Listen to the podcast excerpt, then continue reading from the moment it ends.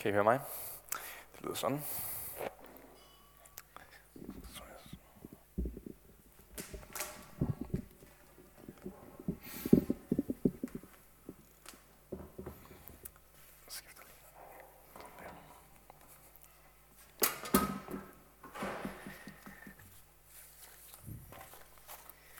Ja, men øh, super dejligt at være her tilbage. Jeg synes, der er sket utrolig meget, øh, siden øh, jeg har været her øh, sidst øh, i, i vores liv. Jeg, jeg kunne have lyst til bare lige at nævne det, så øh, I ved, hvor vi er. Øh, ej, vi, vi fik en søn sådan lige omkring, hvor vi flyttede til, til Hillerød, og øh, han er nu halvandet år. og øh, så har vi også en datter, Almine, som I kender, øh, som nu er 3,5 år. Og øh, jeg har startet et job, og Mathilde hun er også blevet gammel nok til at få et sådan rigtigt job. Jeg startede et job her 1. september, og øh, de vil også øh, rigtig gerne øh, være med, så de kommer faktisk øh, senere på dagen. Øh, så det kan I øh, glæde jer til. Ja. Øh.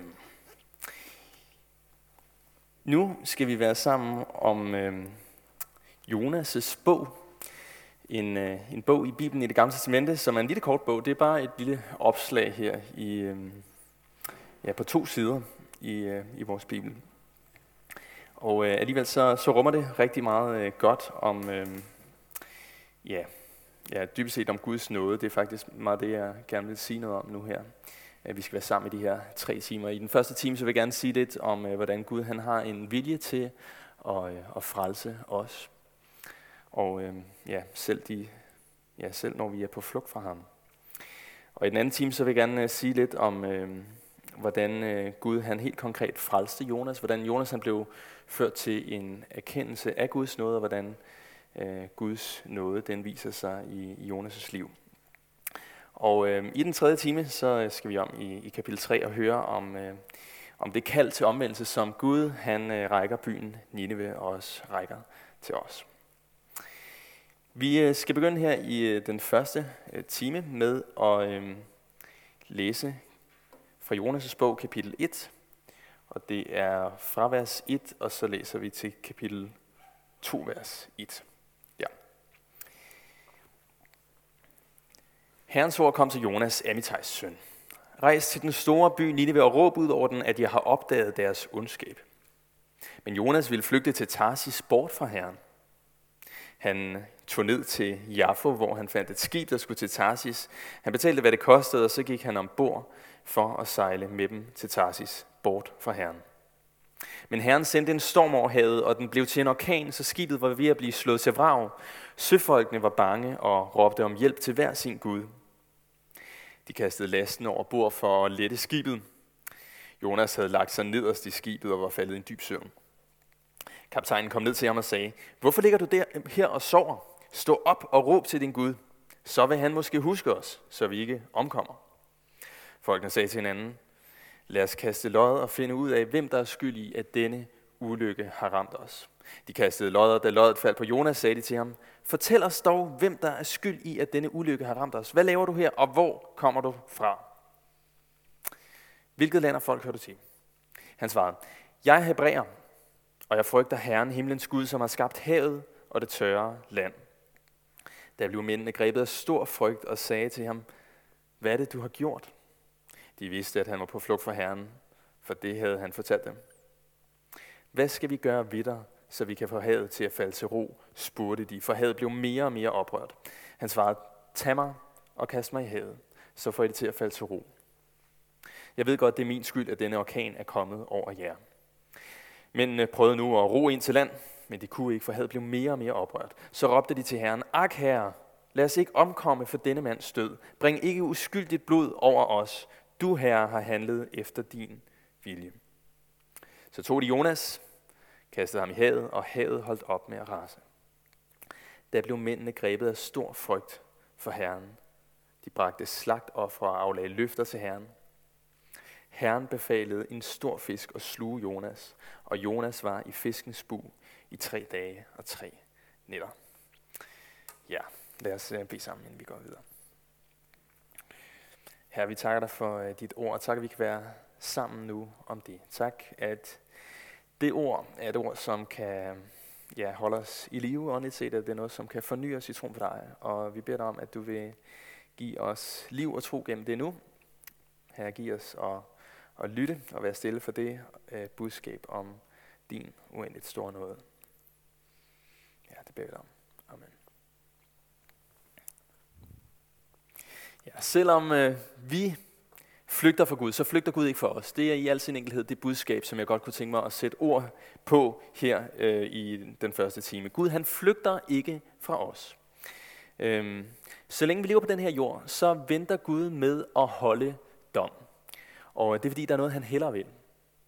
Han vil hellere frelse. Han længes af nidkærhed efter, at vi skal komme til tro på ham, efter vi skal øh, vende om til ham, efter vi skal blive frelst. Øhm, som mennesker så kan vi ellers godt øh, finde på at flygte fra Gud, og det er noget af det, vi møder her i øh, Jonas' bog. Her i øh, kapitel 1 i Jonas' bog, så møder vi to forskellige øh, personer, eller persongrupper, kunne man sige, som er på flugt øh, fra Gud. Øh, for det første så møder vi ham her, Jonas, Jonas som er, er profeten øh, og, og omdrejningspunktet øh, for den her bog. Øhm, vi, vi springer lige ind i Jonas' bog her, og øh, jeg kan fortælle, at vi befinder os i 700-tallet, før øh, Jesus han øh, blev født.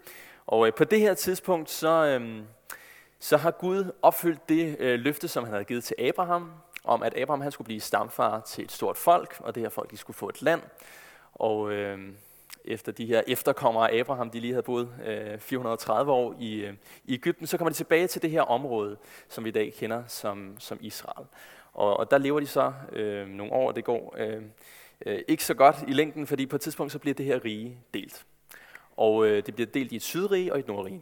Og i nordriget, det er der Jonas han lever og er profet på det her tidspunkt, altså 700 år før, at Jesus han bliver født. Jonas han bliver kun øh, omtalt en anden gang i øh, det gamle testamente, og øh, det er i øh, anden kongebog, kapitel 14, vers øh, 25. Og øh, der står ikke så meget om ham. Der, der, der står en lille profeti, han, han kommer med, og øh, så står der ellers, at han, han er profet i Nordriget på den her tid under en konge, som hed øh, kong Jeroboam den anden, som i parentes bemærket ikke var en specielt god konge. Han, øh, han gjorde, hvad der var ondt i herrens øjne. Det er den beskrivelse, vi hører om Jonas i anden kongebog, kapitel 14. Øh, men Jonas han får altså det her kald til ikke bare at være der i Nordved. Han får et kald til at rejse til en anden by, en by, som hedder Nineve. Et sted, som ligger øh, et stykke væk fra, øh, hvor øh, det er, øh, at han egentlig øh, havde sin hverdag der som, som profet. Og han flygter. Øh, men ja, Gud han vil have, at han skal til, til den her by, øh, Nineve, som ligger mod øst, og Jonas han tager et skib mod vest. Der står øh, i vers 1, at han tager til Tarsis bort fra Herren. Øh, I skal prøve lige at, at lægge mærke til det her, den her beskrivelse, bort fra Herren. Det er faktisk en øh, beskrivelse, vi møder øh, både i, øh, i vers 3 og nede i, øh, også i øh, vers 10, at øh, han flygter bort fra Herren. Jonas han flygter ikke bare øh, fra, øh, fra det kald, han havde fået, eller... Øh, eller fra det, det sted, han ligesom var. Hans flugt, det er en, en langt øh, dybere flugt, end bare en flugt fra et, en bestemt by, eller bare en flugt fra et bestemt område. Det er dybest set en protest mod Guds planer. En flugt fra Gud selv. Hvorfor Jonas han øh, vælger med at flygte, det vender vi tilbage til øh, lige om lidt. Men først så skal vi vende os mod den anden øh, gruppe af personer, som vi møder her i Jonas' bog, kapitel 1, som er på flugt fra Herren. Øh, det er Nineveh, jeg tænker på. Indbyggerne i Nineveh. Øh, Indbyggerne i Nineve, det var en anden gruppe af mennesker, som var på flugt fra Herren. Og øh, alligevel så tror jeg, at øh, det har været anderledes end den måde, hvor Jonas var på flugt fra, fra Herren. Fordi Jonas, han vidste godt, at han var på flugt fra Herren. Det er ikke sikkert, at de her indbyggere i Nineve var cirka øh, lige så bevidste om det som, som Jonas, fordi de tænkte formentlig ikke særlig meget på Gud. I hvert fald ikke øh, den Gud, som er skaberen af himlen og, og jorden. Indbyggerne i Nineve, de var øh, afgudstyrkere. Øhm, men selvom at øh, de var ligeglade med Gud, så er Gud ikke ligeglad med dem. Han, øh, Han er skaberen af alt, og derfor så holder han alle sine skabninger ansvarlige, og øh, det galt også befolkningen i Nineve. Øhm, ja, vi, vi skal lige prøve at læse øh, vers 1. Der, der står der, Herrens ord kom til Jonas, Amitais søn.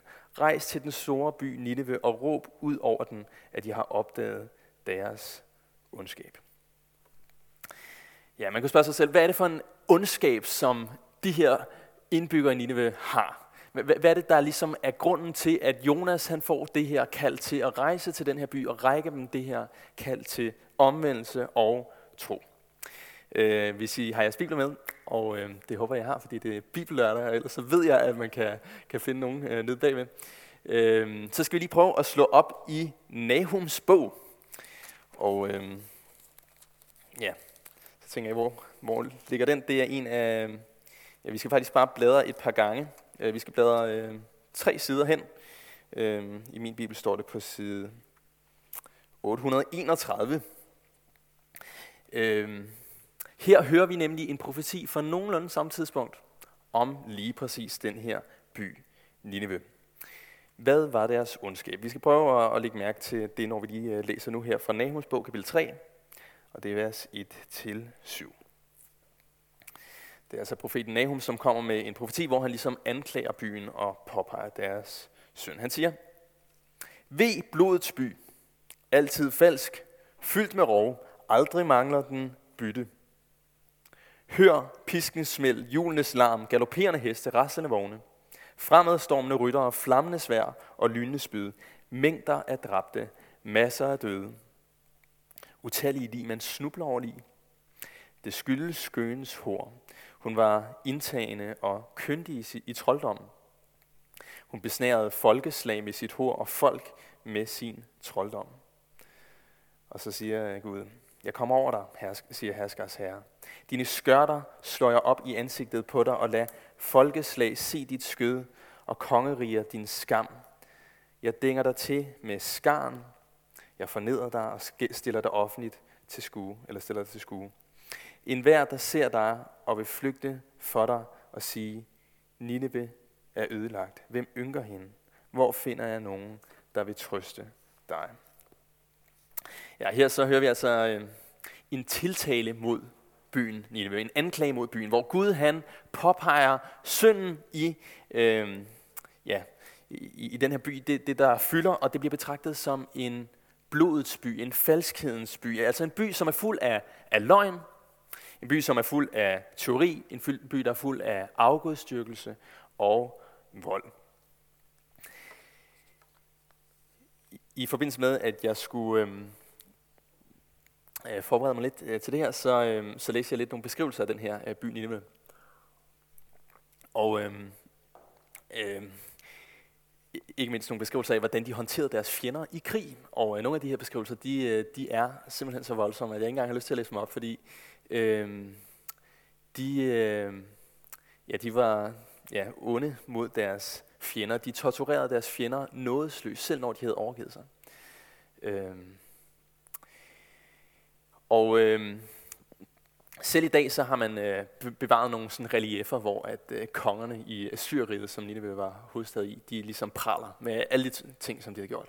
Og øh, på de her reliefer, så kan man bare se, at det, det flyder med, med lig. Øh, ligene flyder, og øh, ja, der er ikke så meget at sige til, at der er nogen, der faktisk har kaldt Assyriet på det her tidspunkt for en, en terrorstat. Altså fordi de, øh, de var så voldsomme i den måde, som de øh, førte krig på. Og lige her, så tror jeg, vi har noget af forklaringen på, hvorfor Jonas han umiddelbart ikke var indstillet på at rejse til byen Nineve. Øhm, den her by Nineve, det var ikke bare en gudsforladt by, som øh, man sikkert kunne øh, sige om alle øh, de naboer, som Israel eller havde, ellers øh, også havde. Øh, de her, det var også Israels ærkefjender. Nineveh og Assyriet, det, det var en stor øh, militær stormagt i øh, Mellemøsten på det her tidspunkt, og øh, de satte deres vilje igennem med magt. Og på det her tidspunkt, så udnytter de Israel. De, øh, de tvinger dem til at betale høje skatter, og øh, ja, det, det fortsætter sådan set øh, også efter øh, Jonas øh, dør i, i år, øh, i år 722, så, øh, så ender øh, det her øh, Assyrige faktisk med at invadere øh, Nordriget Israel og øh, ødelægge hovedstaden øh, Samaria. Så Nineveh, de var på alle måder en fjendtlig magt. Og øh, jeg tror, det må have været sådan, at Jonas han har tænkt om byen Nineveh. Altså han har, han har arbejdet øh, for kongen i, øh, i Nordriget i Israel, og øh, nu får han så altså af Gud et kald til at rejse over til fjenden og give dem det her budskab om noget. Jeg, jeg, jeg ved ikke, om I fornemmer, hvor radikalt det egentlig er, det som Gud han gør ved at kalde Jonas til at rejse til den her by, Nineveh. Øhm, ja, lige nu er der jo sådan set øh, krig lidt for, forskellige steder i verden. Jeg, jeg tror, det her det vil øh, svare til, at øh, for eksempel en af præsident Zelenskis øh, nærmeste øh, rådgiver i Ukraine, at han øh, rejser til, til Rusland, og så øh, for at vide, at han skal gå helt ind i, i Kreml, der hvor at, øh, den øh, russiske regering bor. Og så sige til Putin og alle de andre, der er noget, hvis I omvender jer. Eller, ja, det kunne også være Israel, ikke? at øh, rejse over der til, til Gazastriben og lederne af Hamas, som øh, lige har øh, ja, begået for forfærdeligt overgreb. Ikke? Og så sige, hvis I omvender jer, så er der noget. Hvad har Jonas tænkt, da han fik det her kald af Gud til at gå med det her budskab om omvendelse og, øh, ja, og tro? Øhm, måske så har han været bange for at gå direkte ind i magtens centrum hos en af de her største fjender. Det, øh, det kunne godt være. Det, det er der nogen, der ligesom øh, har, har, øh, har påpeget. Øhm, jeg tror alligevel, at øh, der også er noget andet på spil. Når man ser, hvordan at Jonas han ender øh, om i, i kapitel øh, 4, og ja, det er måske lidt spoiler alert, øh, øh Nineveh de ender med at, og, øh, at vende om og, og tro på Gud, og øh, øh på, på det tidspunkt så står der i Jonas' bog kapitel 4, vers 1, at der blev Jonas meget forbistret, forbistret og vred. Når man ser, at Jonas han reagerer på den her måde, så, øh, altså med at blive vred, så øh, tror jeg dybest set, at han har haft svært ved at forstå Gud. Øh, jeg tror, at Jonas han synes, at indbyggerne i Nineveh, de faktisk fortjener at blive udslettet. Øh, de her mennesker, de var virkelig onde.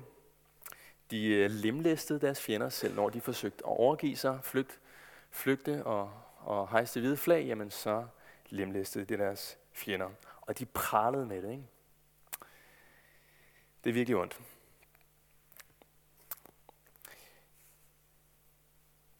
Som jeg nævnte, så er der øh, flere ting, der tyder på, at Jonas han har været en del af, af af magteliten i Israel på det her tidspunkt. En del af, af det, man kunne kalde hoffet omkring øh, kongen i, øh, i Nordriget. Øhm, øh, for, for det første så, øh, ja, han bliver relativt kort introduceret øh, her i, i Jonas' bog, som om at, ja, der bliver faktisk kun nævnt, øh, at han hedder Jonas, og han er søn af Amitai, som om at alle de skulle kende hans øh, far. Og øhm, når, når vi også ser på de profetier, som øh, Jonas han øh, kommer med, så kommer han øh, kun med profetier i, øh, der i, i anden kongebog, som er til fordel for Nordriget Israel. Øh, hvis man kigger på, på nogle af de andre øh, øh, profeter, for eksempel Amos, som også er fra nogenlunde samme tidspunkt, så, øh, så holder de sig faktisk ikke tilbage med kritikken af lederne i Israel. Men, øh, men det, øh, ja, vi har i hvert fald ikke nogen øh, profetier med øh, kritik af Israel. Ja, jeg tror, han, ham her, øh, Jonas, for ham har det været en del af hans identitet, at han var, øh, ja, han var, han var, han var virkelig hebræer, han var, øh, han var israelit, han var, øh, ja, jeg, jeg tror, man kunne kalde ham en, en øh, forbenet nationalist. Øh, han, øh, når at øh, de her øh, folk, som, som han møder i det her skib, at de, øh, de, de, de spørger, hvem er du? Så er det første, han påpeger, at han er hebræer. Øh, jeg tror simpelthen, det har været så centralt i øh, hans selvopfattelse, at, øh, at det var den, han var. Og øh, så får han altså det her kald, og jeg tænker bare, at han har tænkt, hvad laver du Gud? Altså fortjener Assyrerne virkelig at modtage det her budskab? En mulighed for omvendelse efter alt det, som øh, de har gjort. Jeg tror, at øh, Jonas' flugt er med til at afsløre, at Jonas' billede af Gud, øh, det er faktisk ikke svaret til, til virkeligheden. Fordi Jonas' Gud, det var sådan en Gud, som øh, han kunne bruge til at pusse sin glorie og øh, til at se ned på de andre. Han, han var hebræer. Han var den, som tilhørte det rigtige folk. I modsætning til alle de der andre øh, gudløse der udenomkring, som bare øh, øh, fortjente Guds straf. Han troede, han var bedre end de gudløse folk i Nineve. Og derfor så flygter han. Ja, ikke bare bort fra byen, han flygter bort fra Herren, da hans øh, ja, opfattelse af Gud ikke svarer til det, han møder. Ja. Jonas' bog lærer os, at øh, vi kan være på flugt fra Gud på mange måder. Øhm, vi, vi kan være på flugt fra Gud, øh, ligesom øh, indbyggerne i, i Nineve, og øh, måske også ligesom øh, mange mennesker er det øh, i vores land, altså på en forholdsvis åbenlys måde, hvor man siger, at man vil ikke have så meget med Gud at gøre, man prøver ikke at opsøge ham, men øh, det er nogle andre ting, man er optaget af i sit liv. Øh, ja, det kunne være, hvor man lyver og snyder og bedrager. Øh, eller er fuld af misundelse, eller hader sine, sin fjender, øh, ligesom indbyggerne i Nineve. Jeg tror, i Danmark i dag, så er det måske lige så meget på, på en lidt mere øh, skjult måde, altså hvor det bare bliver nogle andre ting i tilværelsen, som bliver det, der bliver ens Gud. Øh, det, det komfortable liv, eller øh, ja, penge, eller relationer, eller sex, eller alt muligt andet. Det kan blive afgud af ens liv, hvor man vender Gud ryggen på den her meget åbenlyse måde, hvor man søger noget andet end Gud som Gud. Men vi kan også være på flugt fra Gud på en anden måde, og på en meget mere skjult måde. Øhm, Jonas han fastholder den her identitet som hebræer, som en, der frygter Gud. Han fortæller det faktisk til de her mænd, øh, som er i skibet, at han er en, der frygter Gud. Øhm, og alligevel så afslører hans handlinger, at han har en grundlæggende mistillid til Gud. Han, han får også sagt til de her mænd, at han, at han faktisk er på flugt fra Gud. Jonas han havde en mistillid til Gud, som var krøbet ind under huden på ham. En mistillid til, at Gud er god, og at Guds planer er god. Øhm, og her så tror jeg, at øh, vi også kan komme til at ligne Jonas. Øhm, også som kristne. Jeg tror måske ikke, der er så mange af os, som er er danskere, før vi er kristne. Altså hvor vi bruger vores, øh, det, at, at vi er kristne til ligesom at understøtte øh, vores nationale identitet og have øh, alle mulige andre end dem, der lige er danskere. Dem, dem skal der sikkert nok øh, findes øh, nogen af i, i Danmark. Men jeg tror måske ikke, det er det, der er mest øh, udbredt hos os. Og alligevel så synes jeg ikke, at det er svært at identificere sig øh, med øh, Jonas. Fordi den her mistillid til Gud, og hans planer. Det er så let, at den finder ind i hjertet, når vi ikke forstår Gud, når vi ikke forstår hans planer. Ja, jeg ved ikke, om I, I kender det her, men Gud han siger noget i sit ord. Og øh, det er svært at forstå det, Gud siger, hvorfor han sagt det på lige den måde. Og øhm, så kommer mistilliden. Eller øhm, vi bliver udsat for noget i vores liv, og øh, vi forstår ikke, hvordan Gud han handler med os. Hvorfor Gud skal føre os igennem det. Det er så let, at mistilliden det kommer og kryber ind under huden på os. Jonas han kæmpede dybest set med at øhm, forstå Gud. Og det han havde problemer med at forstå, det var, var, hvordan kan Gud både være en nådig Gud, en Gud, som er sent til vrede og rig på troskab, og øh, samtidig en Gud, som øh, hader uretfærdighed, som øh, opdager ondskab og straffer ondskab der, hvor han ser det. For Jonas så øh, gik det ikke op. Jonas han kunne ikke forstå, hvorfor Gud han skulle advare de her mennesker, som Jonas foragtede og så ned på. Og derfor så ønskede han ikke at følge Guds vej. Og jeg tror, ja, han må have tænkt, at øh, hvis det er det, du vil, Gud, hvis du vil række dem et kald til omvendelse, jamen øh, så går jeg i den anden retning, fordi det er noget andet, jeg vil. Selvom vi ikke altid forstår Gud, så skylder vi dybest set Gud alt. Og øh, ja, jeg har hørt på et tidspunkt en sige, at øh, hvis øh, din Gud aldrig øh, siger noget, som strider mod dine egne tanker og følelser, jamen, så er der måske en far for, at det ikke er Gud, som du har at gøre med, med en, en afgud, som du har skabt i dit eget billede. Øh, Gud, han er anderledes end os. Og nogle gange så øh, vil vores øh, hjerte øh, komme i konflikt med noget af det, vi møder, når vi møder Gud. Øh, men øh, vi skylder Gud alt, fordi det er ham, der er Gud. Øh, ja. Bibelen fortæller, at vi dybest set alle sammen som mennesker er øh, på flugt fra Gud. Øh, om i, i Romerbrevet så øh, formulerer Paulus det sådan, at der er ingen retfærdige, der er ingen, ikke en eneste, der er ingen forstandige, ingen der søger Gud. De er alle kommet på afveje. Alle er fordavet, ingen gør godt, ikke en eneste. Altså, så står der i Romerbrevet kapitel 3, vers 10-12. Altså dybest set som mennesker, så er vi alle sammen som nogen, der er faret vild fra Gud. Og øh, vi forsøger ikke engang at finde vejen hjem vi har brug for, at der kommer nogen til os, som opsøger os. Og øh, den gode nyhed, som Jonas' bog fortæller, det er, at Gud er sådan en Gud.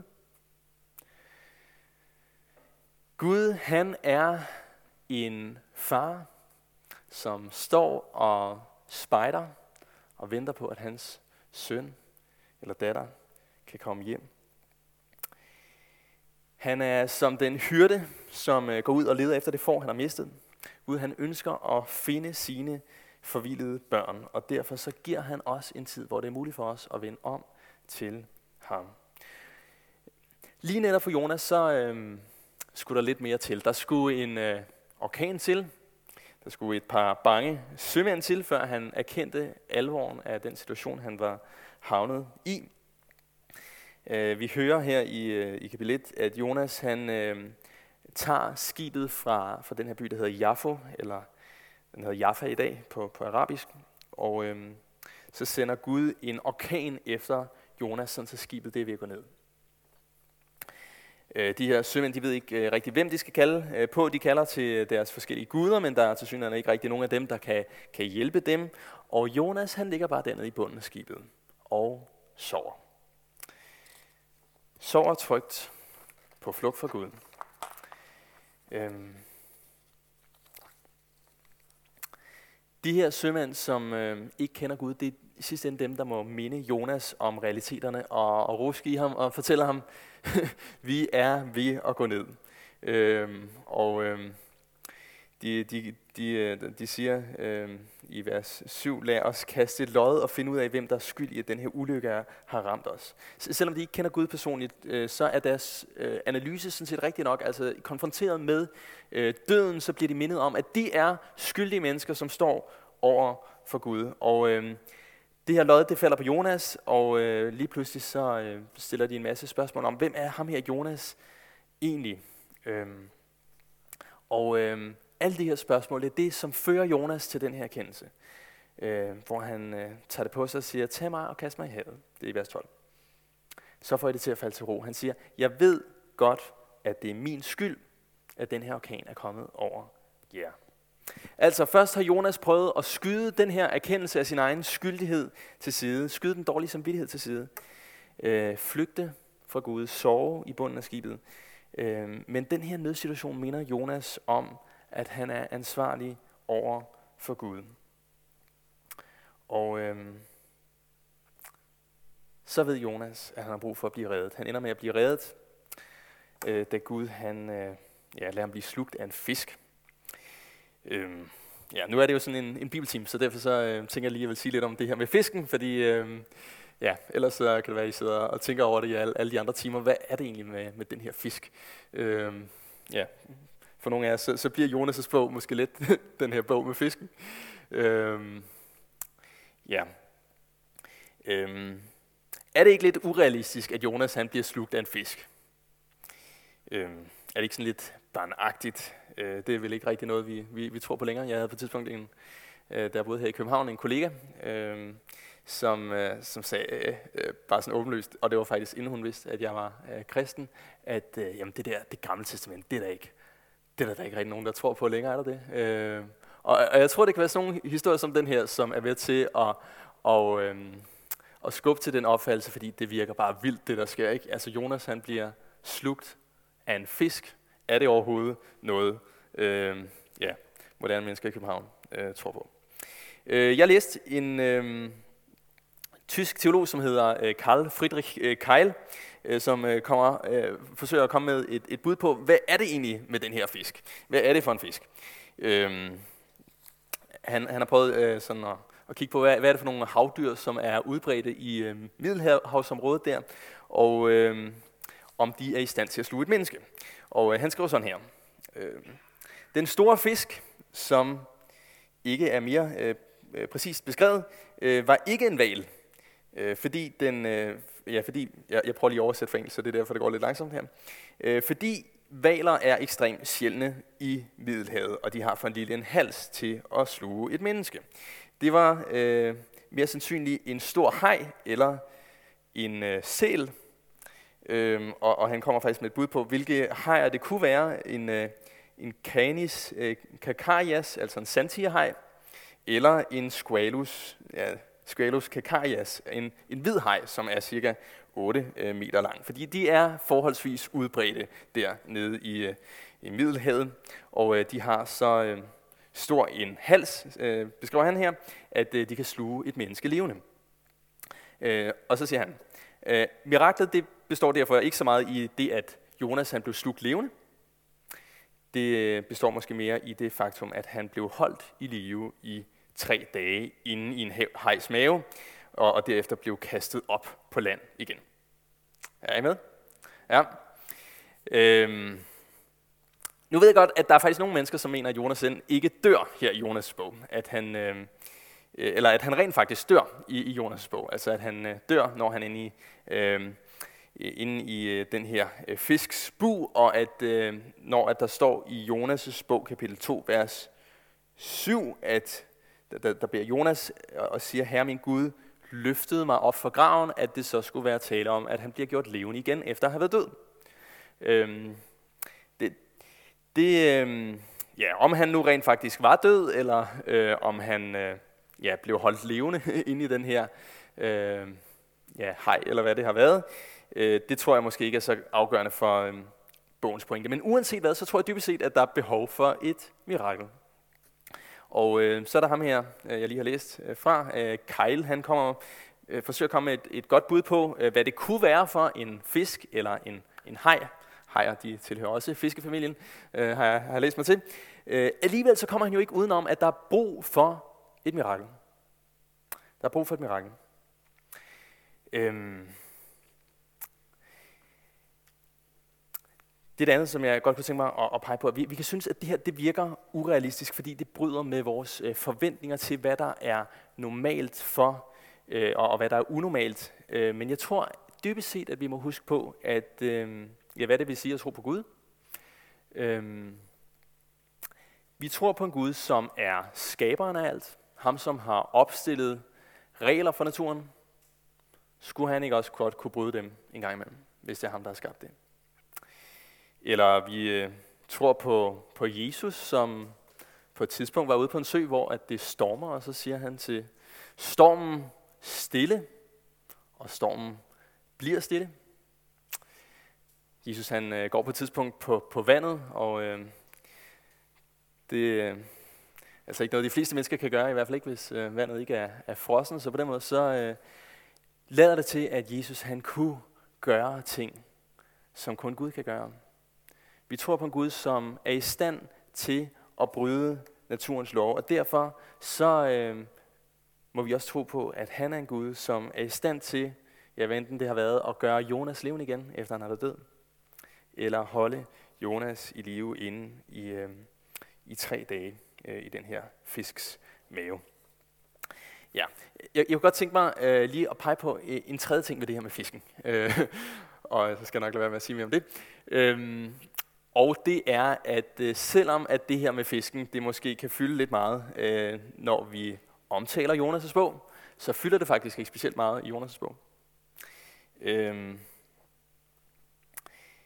ja, Jonas, øh, i Jonas' bog, så bliver fisken faktisk kun nævnt øh, to gange. I, det gør den i kapitel 2, vers 1 og kapitel 2, vers 11. Normalt, hvis man øh, læser skønlitteratur, og, øh, så, så vil det være sådan der, hvor at øh, monstrene eller øh, søvehyrene, de dukker op, så er det, er det der, hvor der virkelig øh, sker noget. Ikke? Så, så, så skal der lige øh, gøres noget ekstra ud af den her øh, pointe, at det her, ja, Gud kunne have valgt at beskrive det sådan, at, at her var der altså en fisk, med, som var virkelig grusom, med virkelig store øh, tænder og sådan noget der. Øh, det, det, det står øh, stort set ikke noget om den her øh, fisk. Det er som om, at det bare ja, det er bare en, en bibemærkning, at når ja, det var i øvrigt øh, gennem den her fisk, at, at Gud han, øh, han valgte at, at stoppe øh, Jonas. Det, det, det vigtige det er ikke så meget øh, fisken, det er mere det, at Jonas han bliver stoppet af Gud. Øh, jeg tror, det her det, det taler lidt også for øh, troværdigheden af øh, den her historie, at øh, ja, det vigtigste det er sådan set ikke øh, det her med fisken, men det afgørende det er, at der findes en Gud, som kan stoppe mennesker på flugt finde mennesker på flugt. Og øh, det øh, kunne han også gøre med sådan en mislykket missionær som Jonas, som er på flugt fra Gud. Ja, Gud han er en Gud, som ønsker at redde mennesker på flugt fra ham. Og han bliver ved og ved og ved, fordi han vil frelse. Hvad betyder det her for os? Øhm, ja. For det første så tror jeg, at vi må erkende, at øh, vi ligesom øh, vores omgivelser har brug for at blive fundet af Gud. Når vi øh, går i kirke, så øh, går vi ikke i kirke, fordi vi tror, at vi er bedre end alle andre. Fordi øh, vi ligesom er dem, der har fattet det, og så er der alle de andre, som er ja, endeløse i deres oprør mod Gud. Øhm. Oprøret, det stikker så dybt i os som mennesker, at øh, dybest set så er den her natur, som ikke vil Gud, som ønsker at flygte fra Gud, det er noget, som bor i os alle sammen. Vi er i udgangspunktet på flugt fra Gud, øh, gennem vantro, gennem afguder, gennem stolthed, gennem en from selvopfattelse. Men lige der, så findes der en Gud, som søgte os. Og det er derfor, at vi mødes i kirken. Fordi vi tror på, at der findes en Gud, som opsøger fortabte. Jonas han havde den her selvopfattelse af, at han var bedre end alle de andre, men i den her orkan på Middelhavet, så øh, blev det klart for ham, at det var ikke bare hans omgivelser, som havde brug for at blive frelst, det var ham selv. Det var ikke bare hans omgivelser, der var på flugt fra Gud, det var ham selv. Det her det gælder øh, uanset om vi har kendt Gud hele vores liv, eller om mistilliden til Gud den er kommet krybende, eller om vi måske aldrig har vendt os til Gud før. Gud han vil ikke bare holde dom, der er noget han hellere vil, og det han hellere vil, det er at frelse.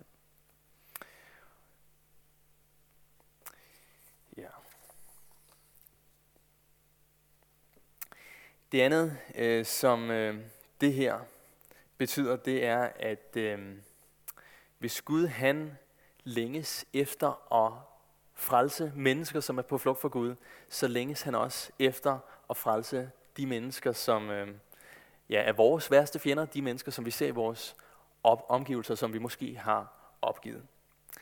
Øh, jeg, jeg synes, Jonas han er en sjov øh, skikkelse, fordi han øh, fremstår på mange måder som verdenshistoriens mest øh, modvillige missionær. Øh, altså, han, han får det her kald fra Gud, men han flygter i den anden retning, og, og må ligesom blive stoppet af Gud, før han, han øh, følger efter. Og øh, selv da, at folket de omvender sig, så bliver han vred på Gud. Fordi hvad var det, øh, det, øh, det lignede? Øh, jeg, jeg tror, at... Øh, Ja, vi, vi, vi lever i et, i et samfund, som øh, på mange måder øh, har, har vendt Gud ryggen. Vi, vi lever i en kultur, som øh, ja, de sidste øh, tusind år øh, har været øh, præget af kristendom. Det, det, det har præget alle dele af, øh, af vores samfund. Hvordan vi, øh, vi indretter vores stat, og hvordan vi tager omsorg for, øh, for svage mennesker og alt muligt andet. Og så lever vi så også bare i et samfund, som de sidste øh, ja, måske godt og vel 100 år, har vendt Gud ryggen i et hidtil uset omfang. Øh, nu, nu ved jeg, at det er, det er over 100 år siden, at den her øh, bygning er blevet bygget. Og øh, prøv at forestille jer, hvor forskelligt de omgivelser, der var på den tid øh, her i København, var, øh, øh, ja, var for de omgivelser, som vi har i dag. Øh, den måde, som, som, som vi driver kirke på i dag. Hvordan er det, at omverdenen ser på kristendom i dag?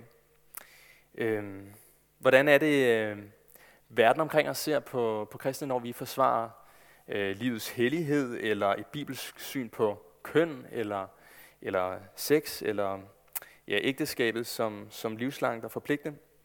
Øhm, jeg tror i stigende grad, at vi må vende os til at blive opfattet som forstokkede mennesker, eller øh, mennesker, som, som er øh, altså moralsk øh, ja, forarvelige øh, i, i, i de omgivelser, vi, øh, vi, øh, vi, vi lever i blandt. Og, og spørgsmålet er så, hvad stiller vi op med de omgivelser? Øh, jeg tror måske, det kan være nærliggende for os at øh, ja, se på vores omgivelser med opgivelse og tænke, den her kultur, den er så langt væk fra Gud, at øh, ja, vi må bare opgive håbet. De, de er uden for rækkevidde. Øhm, og alligevel så lærer Jonas' bog os, at øhm, selv når at mennesker er på håbløs afstand af Gud, så ønsker Gud faktisk at komme med sit kald til omvendelse og tro. Og han bliver ved, og han bliver ved, og han bliver ved. Der kommer en dag, hvor Gud han vil fælde dom, også over den ondskab, som vi ser i vores verden i dag. Men der er Gud, noget Gud han hellere vil, og det Gud hellere vil, det er at frelse. Så selv når vi har opgivet håbet for vores verden, så har Gud ikke opgivet håbet. Ja. Gud, den Gud, som indhentede Jonas, da han flygtede fra ham. Den Gud, som øh, sendte Jonas til den her by, som havde vendt Gud ryggen. Den Gud vil stadig frelse i dag. Ja, lad os bede sammen. Og her Jesus, det takker vi dig for, at du er en Gud, som ønsker at opsøge mennesker på flugt for dig. Og her tak, at du har opsøgt os. At du er kommet til os. Ja, selv da vi øh, vendte dig i ryggen. Og tak, at du ønsker, at vi skal komme til tro på dig. Her hjælp os til ikke at øh, se ned på vores omgivelser. Ikke at opgive håbet eller ryst på hovedet og bare overlade dem til din dom. Men hjælp os til at tro, at ligesom du har fundet os, så ønsker du at finde mennesker omkring os. Her det beder vi dig om i dit eget navn. Amen.